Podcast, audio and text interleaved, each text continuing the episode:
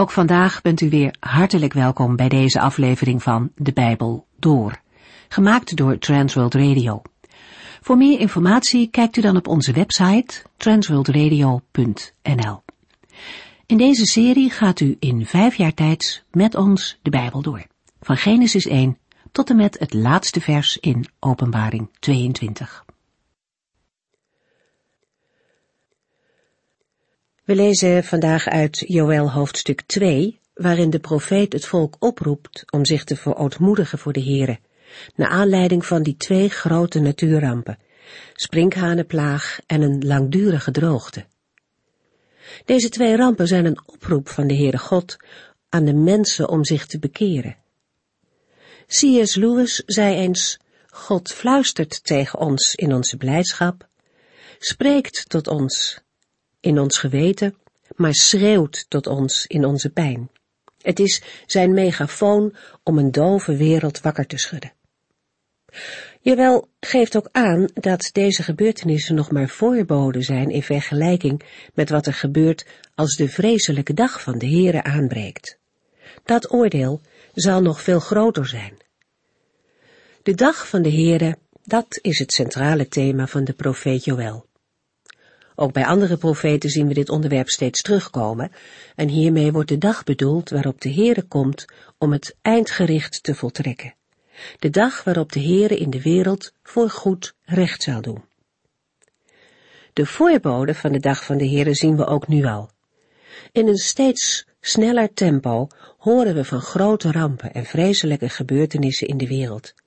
En de vraag is wat we daarmee doen. Natuurlijk moeten we helpen waar we kunnen. Maar we mogen ook de hand van de Heere achter gebeurtenissen zien en beseffen dat mensen lang niet alles in de hand hebben. Natuurrampen moeten ook de mens bepalen bij de Almachtige, de Almachtige die regeert en voor wie ieder mens ontzag moet hebben. Daarmee zeggen we niet dat iedereen die getroffen wordt door groot leed verkeerd heeft gedaan. Dat zegt ook de Bijbel niet. Ook in de tijd van de Bijbel leden trouwe gelovigen mee onder rampen die het gevolg van zonde van het volk waren. In die gebeurtenissen liggen waarschuwingen voor iedereen om ernst met de Heere God te maken. En dat is de boodschap die ook Joël doorgeeft. We lezen nu de eerste verse van Joël 2.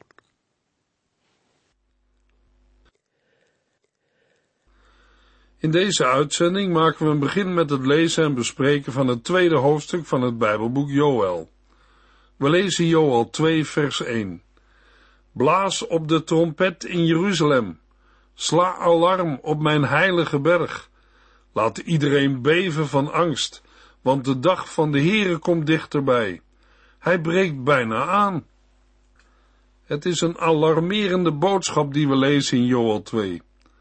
Het is kennelijk de bedoeling dat de toehoorders van de profeet Joal worden wakker geschud om zich voor te bereiden op de dingen die gaan komen. De profeet begint hoofdstuk 2 met de opdracht de trompet, of naar andere vertalingen de bazuin te blazen, een opdracht die hij in vers 15 herhaalt. De trompet of bazuin in de oorspronkelijk Hebreeuwse tekst lezen we de shofar had in Israël de functie die vandaag een sirene heeft. Het enigszins donkere, scherpe en harde geluid van de ramshoorn diende als een signaal voor de Israëlieten. De trompet of bazuin waarschuwde voor de aanstormende vijand. Aan de andere kant riep de trompet Israël ook op om het gevecht met de vijand aan te gaan. Daarbij kunnen we denken aan de geschiedenis van Gideon in Rechters of Richteren 6. De trompet of bazuin klonk ook als een teken van het komen van de Here. In dit laatste geval lag er een dubbele boodschap in het trompetgeschal. De Heere staat op tot de strijd. Zijn vijanden zullen verstrooid worden en zijn volk zal zich in de Heere verblijden. Daarvan lezen we een voorbeeld in Jozua 6 bij de val en inname van Jericho, waarbij de muren van de stad instortten. Maar zo klonk het trompetgeschal ook in de oren van de Midianieten ten tijde van Gideon.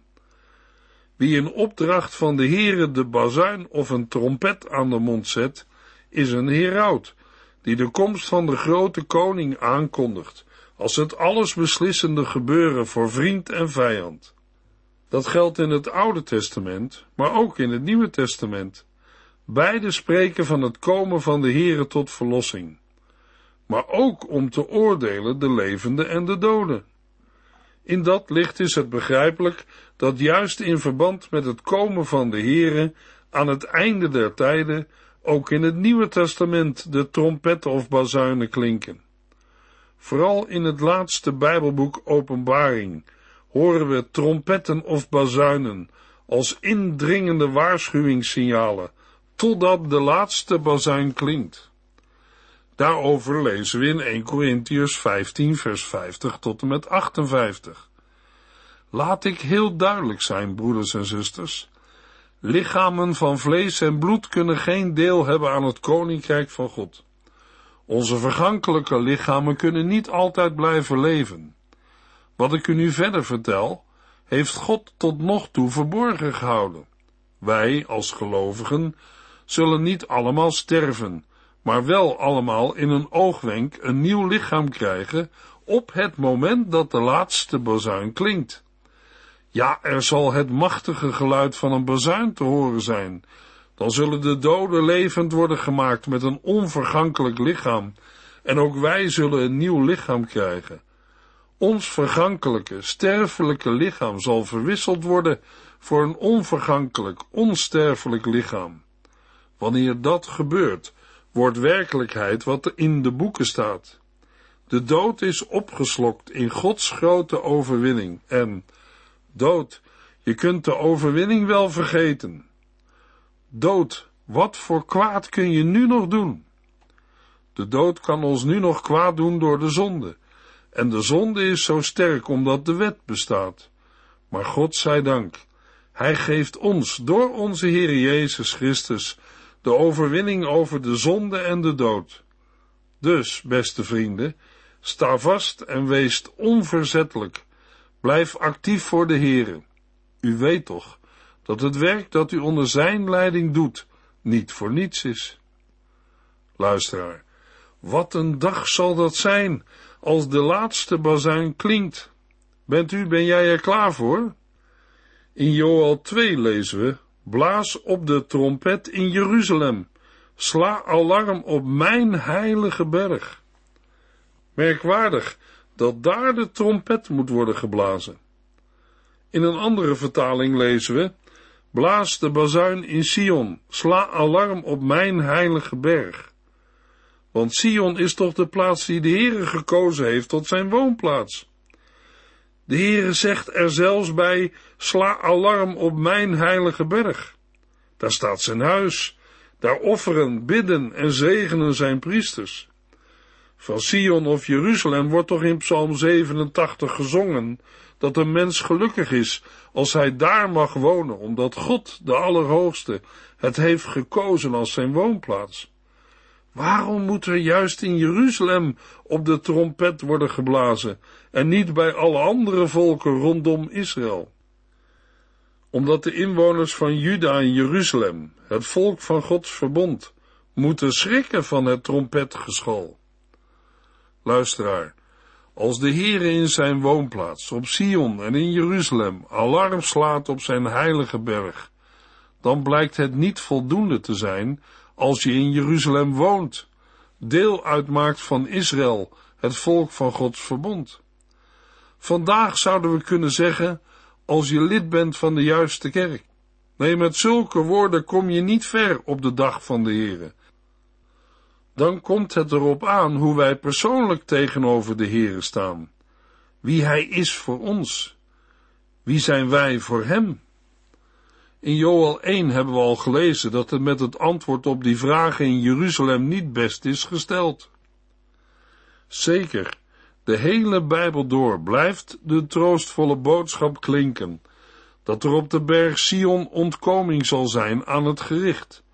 Maar dat geldt alleen voor het volk dat met eigen armoede en ellende bij de Heere schuilt en op hem vertrouwt. Maar wat is de oorzaak van het alarmblazen op de heilige berg van de Heere? We lazen het in vers 1 en straks opnieuw in vers 11. En in feite heeft alles wat tussen deze beide versen in staat er ook mee te maken. De dag van de Heere komt dichterbij. Hij breekt bijna aan. Juist de laatste woorden benadrukken dat niemand kan zeggen, het zal nog wel meevallen, of ik zal de dans wel ontspringen.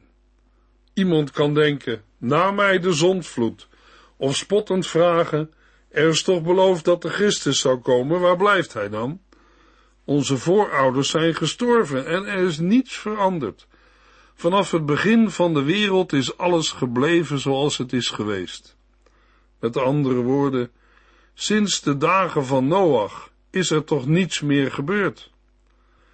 Maar de profeet Joël en heel de Bijbel zegt wat anders. De dag van de Heere komt dichterbij. Hij breekt bijna aan. Dat is niet om een mens bang te maken, maar om te waarschuwen, er rekening mee te houden. Er komt een dag waarop de Heere van ieder mens rekenschap zal vragen van al zijn of haar daden. Daarbij maakt het niet uit of u bent overleden of nog op aarde leeft. De profeet Joel ziet de dag van de Heere dichterbij komen. Laten wij bij deze dingen niet denken dat het bij de dag van de Heere alleen om een oud-testamentische oordeelsdag gaat en wij er in het Nieuwe Testament niets over lezen. Ook in het Nieuwe Testament worden gelovigen aangemoedigd klaar te zijn om de Heere te ontmoeten.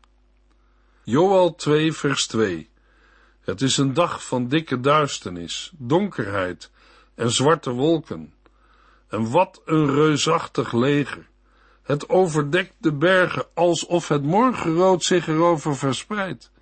Nog nooit heeft men zoiets gezien en zoiets zal ook nooit meer worden gezien in alle komende generaties op deze aarde. Bij de woorden een reusachtig leger en troepenmacht in vers 11 moeten we in de eerste plaats denken aan een reusachtige zwerm sprinkhanen. Er is wel verschil, want in Joel 2 is het een nieuwe plaag. In Joel 1 spreekt de profeet over iets dat er al is in Joel 2 over iets dat eraan komt. De nieuwe plaag rukt op naar Jeruzalem. Het is een reusachtige zwerm sprinkhanen. Joel ziet een soort morgenrood uitgespreid over de bergen. Normaal is dat het teken van de nieuwe dag die komt. Nu is het de weerkaatsing van het zonlicht op de vleugels van ontelbare sprinkhanen. Dat blijkt, want als de zwerm dichterbij komt, verdwijnt de rode gloed aan de horizon en wordt de zon verduisterd door de reusachtige zwerm sprinkhanen. Indrukwekkend is ook de beschrijving die de profeet van de plaag geeft. Mensen die sprinkhanenplagen hebben meegemaakt, vertellen dat het inderdaad een sprekende beschrijving is van een sprinkhanenplaag. Al de kleine vleugeltjes van de ontelbare zwerm sprinkhanen geven samen een lawaai als van een oprukkend leger met galopperende paarden en ratelende strijdwagens. Het geluid waarmee ze zich door het gewas heen eten, doet denken aan het knetteren van een vuurzee. Sprinkhanen gedragen zich zeer gedisciplineerd. Ze lopen niet door elkaar, ze verdringen elkaar niet, ze laten zich door geen enkele vorm van tegenstand van de wijs brengen. Ze marcheren recht toe recht aan op hun doel af. In Joel 2 is het Sion en Jeruzalem. Ze klimmen over muren heen.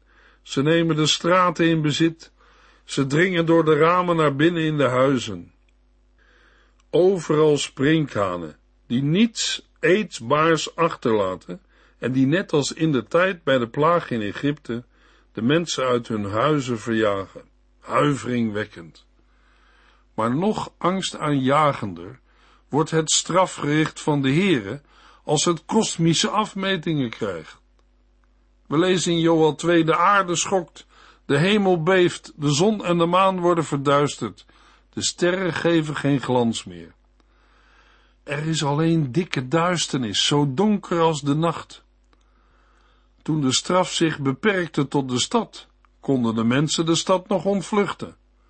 Maar waar moeten ze nu naartoe? Overal is duisternis. Het lijkt erop dat iedereen de ondergang wacht. En dan? Verderop in Joel 2 stelt ook Joel die vraag. Hij is immers profeet, met ogen die door de Heere geopend zijn. Want achter de ontelbare sprinkhanen ziet Joel de Heere. Dat blijkt straks uit vers 12. God is de opperbevelhebber. En het is zijn leger dat hij dirigeert in de richting van Jeruzalem, omdat het oordeel naar zijn eigen woord zal beginnen bij het huis van God. En wie zal die grote en vreselijke dag van de wraak van God kunnen verdragen? Want nog nooit heeft men zoiets gezien. We komen daarmee op een opvallende trek in de profetie van Joël betreffende de toekomst. Geleid door de Heilige Geest zien de profeten in gebeurtenissen van hun tijd iets oplichten van de grote dag van de Here. Ze zien die dag dan ook al steeds dichterbij komend. Hij breekt bijna aan.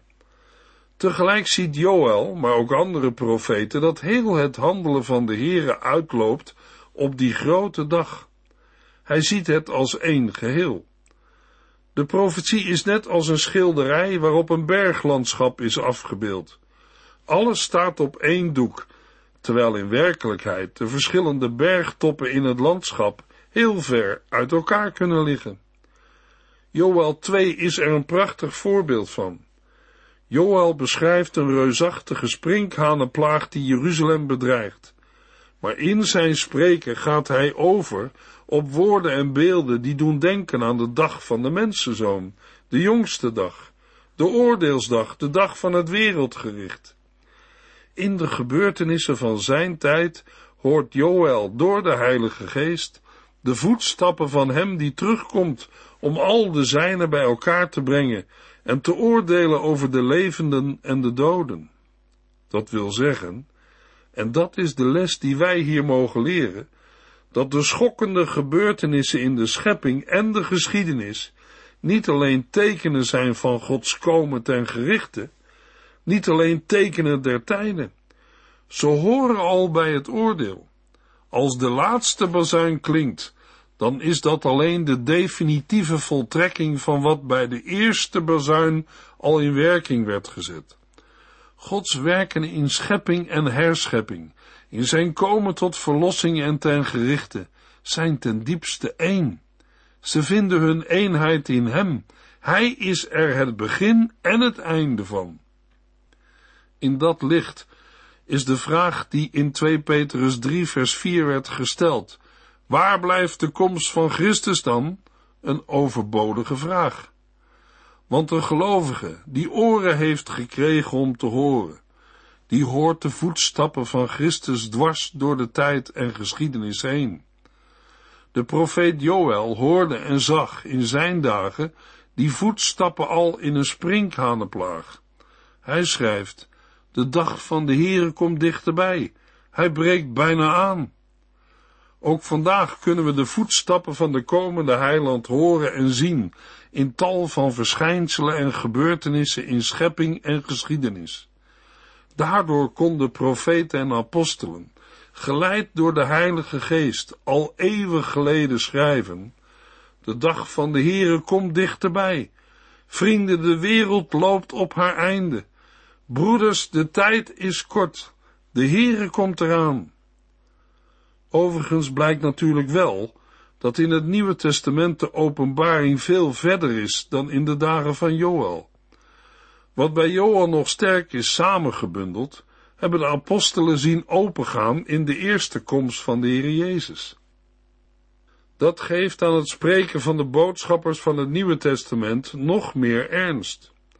In Hebreeën 2 vers 3 lezen we, hoe durven wij dan te denken dat wij de straf zullen ontlopen, als wij geen ernst maken met de geweldige redding die door Jezus Christus zelf is bekendgemaakt, en aan ons is doorgegeven door de mensen die hem hebben gehoord. De profeet Joël maakt in zijn profetie duidelijk dat de dag van de Heere niet zonder problemen komt. In Matthäus 24, vers 21 en 22 lezen we, want er zal een onderdrukking zijn zoals de wereld nog nooit heeft gekend, en zoals ook nooit meer zal terugkomen. Als God die tijd niet zou verkorten, zou geen mens gered worden. Maar die tijd zal worden verkort, ter wille van hen die bij God horen. Joël schrijft over de dag van de Heere. Het is een dag van dikke duisternis, donkerheid en zwarte wolken. Toch heeft de dag van de Heere ook nog een andere kant. Daarover lezen we in 1 Thessalonicense 4 vers 16 tot en met 18. Want als het signaal klinkt, als een van de voornaamste engelen zijn stem laat horen, en de trompet van God schalt, zal de Heere zelf uit de hemel neerdalen. Dan zullen de gestorven christenen eerst opstaan, en daarna zullen wij die op dat moment nog leven, met hen in de wolken worden opgenomen, om de Heer in de lucht te ontmoeten en altijd bij hem te zijn. Met dit nieuws kunt u elkaar troosten en bemoedigen. Joel 2 vers 3 Vuur gaat voor hen uit en laait ook achter hen op. Voor hen is het land zo mooi als de Hof van Eden. Maar wanneer ze er voorbij zijn, ligt er niets dan een woestenij. Het is onmogelijk aan hen te ontsnappen. Voordat de sprinkhanenplaag kwam, was alles groen en lag het land er prachtig bij. Het leek op het paradijs, de Hof van Eden. Maar na de ontelbare zwerm sprinkhanen lag het land er kaal bij, alsof het tot op de grond was afgebrand. Met grote snelheid heeft het vuur over het land geraast. Dat deze sprinkhanenplaag alle andere in omvang en catastrofale gevolgen overtreft, brengt de onvergelijkbare aard van de ramp opnieuw onder de aandacht. In vers 3 beschrijft de profeet de gevolgen van de sprinkhanenplaag op het platteland. Aan een sprinkhanenplaag gaat een periode van grote droogte vooraf. Het woord vuur is beeld van de verzengende zon en heeft voordat de sprinkhanen komen al de nodige schade aangericht. Ook als de sprinkhanen zijn weggetrokken, gaat de verzengende werking van de zon nog door. Zo verandert een land dat zo mooi was als de Hof van Eden in een woestenij. De beelden van vuur en vlam hebben een natuurlijke achtergrond, maar zij zijn binnen de traditie van het volk Israël tegelijk motieven die een rol spelen bij het verschijnen van de Heer als rechter. Zo hebben Joël en zijn tijdgenoten ook de sprinkhanenplagen ervaren. Daarom lezen we ook nadrukkelijk de woorden: Het is onmogelijk aan hen te ontsnappen. Trouwens, waarheen wil een mens vluchten voor de Heer? Er is nergens een plaats waar hij u of jou niet kan vinden. In het laatste Bijbelboek, Openbaring, zegt de Heer Jezus dat Hij de eerste en de laatste is, het begin en het einde. Hij is ook niet aan plaats en tijd gebonden. Niemand kan voor hem vluchten. En het wonder is, het hoeft ook niet. Hij nodigt u uit om naar hem toe te komen en hij zal u en jou zijn rust en vrede geven. Joel 2 vers 4 Zij zien eruit als paarden en rennen razendsnel. In vers 4 beschrijft Joel de sprinkhaan zelf. Door de vorm van hun kop kan Joel ze vergelijken met paarden. Ook de snelheid waarmee ze kunnen rennen en springen doet aan paarden denken. Als ze in de verte op de toppen van de bergen aankomen springen, klinkt dat als het doffe geluid van ratelende wagens. Het geluid dichterbij klinkt als kaf dat knettert in het vuur. De aankomende zwerm sprinkhanen is te vergelijken met een aanstormend vijandelijk leger. Ook daarin vinden we motieven van Joëls beschrijving van de dag van de Heeren. We lezen bijvoorbeeld in Jesaja 13 vers 4 tot en met 14 Luister eens naar het rumoer in de bergen. Luister naar het geluid van het marcherende leger. Het is het lawaai en de roep van vele volken. Vanuit verre landen heeft de Heere van de hemelse legers hen daar gebracht. Zij zijn de wapens die zijn hand tegen u, o Babel, hanteert. Zij dragen zijn toorn met zich mee en zullen uw hele land met de grond gelijk maken. Jammer, want de tijd van de Heer is nu gekomen, de tijd dat de Almachtige u verwoest. Uw armen zijn verlamd door angst. De moedigste harten smelten en zijn bang. De angst grijpt u met pijnlijke scheuten, zoals de weeën een zwangere vrouw overvallen. U kijkt elkaar radeloos aan. De schrik staat op uw gezicht te lezen. Want kijk, de dag van de Heer is in aantocht, de vreselijke dag van zijn verbolgenheid en vurige toorn. Het land zal worden vernietigd, evenals alle zondaars. De hemelen boven hen zullen donker zijn. De sterren, de zon en de maan zullen geen licht geven. En ik zal de wereld straffen voor haar kwaad, alle inwoners voor hun zonde. Ik zal de arrogantie van de trotse man en de hooghartigheid van de rijken neerslaan. Mensen zullen schaars zijn als goud, zeldzamer dan het goud van Ophir. Want ik zal de hemelen door elkaar schudden in mijn vreselijke toorn, en de aarde zal van haar plaats worden gebracht. De context van de profeet Jezaja is anders dan bij Joël, maar de dag van de Heer is gelijk. In de volgende uitzending lezen we verder in Joël 2 vers 4 tot en met 14. U heeft geluisterd naar De Bijbel Door, in het Nederlands vertaald en bewerkt door Transworld Radio. Een programma waarin we in vijf jaar tijd de hele Bijbel doorgaan.